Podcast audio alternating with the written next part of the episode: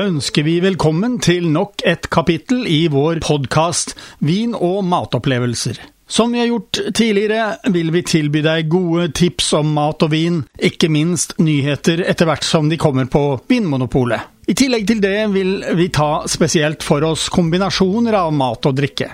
Vær så god, det er servert. Ja, nå har det vært en travel uke. Det nærmer seg novemberslippet til Vinmonopolet, som kommer 3. november, og det har vært mange viner å smake seg gjennom. Som alle som kjenner oss har lagt merke til, pleier vi å holde oss innenfor et prisleie som folk flest kan oppleve som interessant. De siste dagene har vi også fått tak i eh, viner som de som har for mye penger, kan oppleve som kjøpsobjekter. Vel, la oss begynne med noen som er virkelig gode tips for de fleste. Den første jeg vil trekke fram, er en tørr østerriksk musserende vin. Den heter Sigeti Gryner Weltliner. Har en duft med fruktig og god intensitet. Den har god friskhet, men ikke for mye. Smaken har fin fylde, den er fruktig og frisk og har fin konsentrasjon. Og så har den en god og lang ettersmak. Jeg opplever den som et godt alternativ til franske kremanter. Prisen er også hyggelig 200 kroner. Foruten til fest så kan du bruke denne til mye forskjellig mat. Musserende viner er jo så anvendelige som vi tidligere har vært innom. Så beveger vi oss over på rødviner. Nå som dagene begynner å bli litt hustrige, er det vel mange som ser seg om etter noe rødt. Den rødvinen jeg har foran meg her, heter Aromo Pais 2020. Eh, Produsenten heter Vina Aromo. Druen er lite kjent for de fleste, men brukes til å lage enkle og greie viner i bl.a. Chile. Vinen er klar og forholdsvis lys rød i fargen. Har en fruktig duft av røde bær, kanskje kirsebær. Smaken er frisk, fruktig og saftig av røde bær. Jeg opplever vinen som det jeg kaller drikkevennlig, at den ikke skrubber på tungen.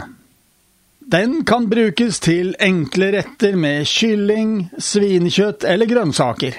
Det beste av alt er at den koster bare 116 kroner.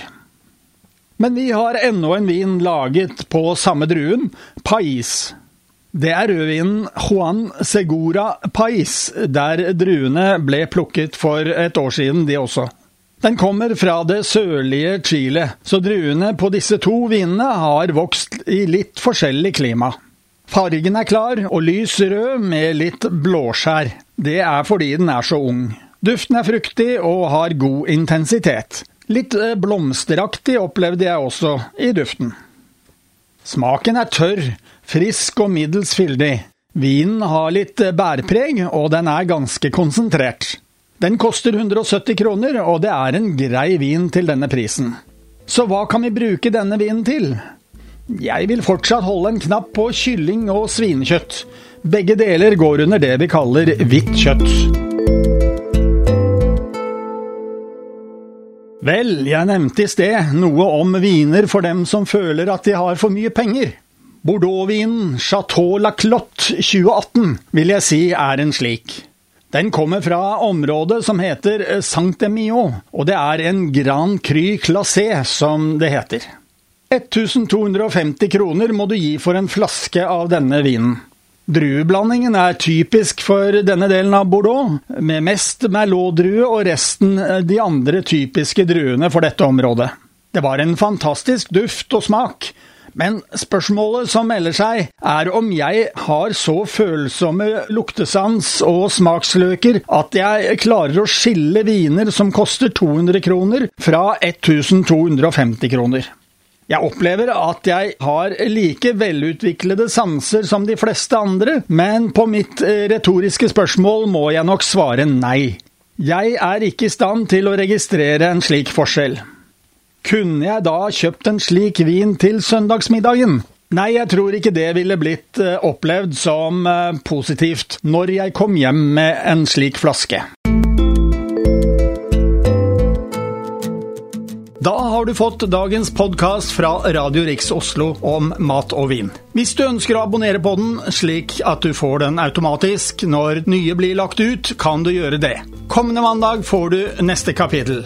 Vi høres!